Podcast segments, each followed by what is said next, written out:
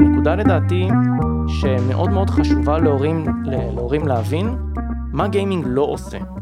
וכבר אמרנו את זה שגיימינג לא הופך אותנו לאלימים, גיימינג לא הופך אותנו למכורים, גיימינג לא הופך אותנו לטיפשים, גיימינג לא הופך אותנו ליצורים אנטי סוציאליים, הוא פשוט לא עושה את זה. זו פלטפורמה שאנחנו עוברים חוויה, כמו שאתם עברתם בשכונה שגדלתם בה, במשחקים ששיחקתם, כמו שאני מסתכל על למשל אוהדי קבוצות כדורגל שהם אוהדים שרופים, בוכים שלושה ימים אחרי שברצלונה הפסידה, אני יכול להיות נורא עצבני שלושה ימים אחרי שאני הפסדתי, לא יודע מה, בפעם השלישית שלי את ה promotion challenger, זה, זה יכול להיות נורא מתסכל. ופה אם ההורה מתקרב, הוא יוכל להעניק לילד כלים לצאת מאותו תסכול. כי התסכול הזה לרוב נובע מאיזושהי מחשבה שהיא התחילה ולא הסתיימה, והיא כל הזמן רצה לנו בראש ורצה לנו בראש, ואנחנו לא יודעים איפה היא התחילה ואיפה היא נגמרה, וברגע שמישהו שאכפת לי ממנו ולא אכפת ממני מדבר איתי על זה, אני יודע להחליט שנגמר, די, מיציתי את הכעס הזה, מיציתי את התסכול.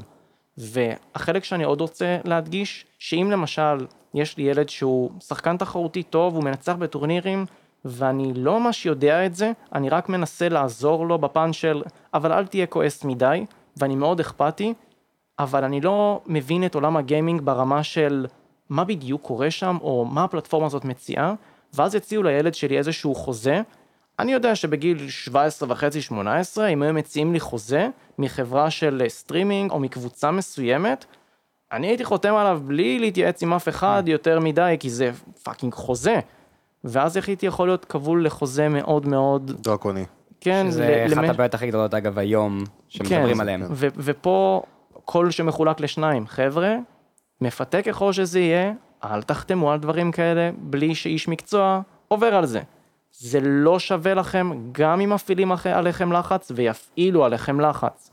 ולהורים, דברו עם הילדים שלכם על הדברים הבקטנה, על הדברים שקצת יותר משעממים לכם, כי אם אתם לא תהיו שם בהתחלה, הם לא יבואו ויתלהבו ויגידו וואי תקשיבו קיבלתי חוזה אני רוצה לחתום עליו עכשיו. ואז אתם לא תוכלו להיות שם בשבילם בהחלטות הקריטיות האלה. זאת אומרת, אני לא רק שאני לא יודע בתור הורי או אדם מבוגר איך להתמודד עם התסכול של הילד שלי, אני גם לא יודע איך להתמודד עם ההצלחות שלו. נכון.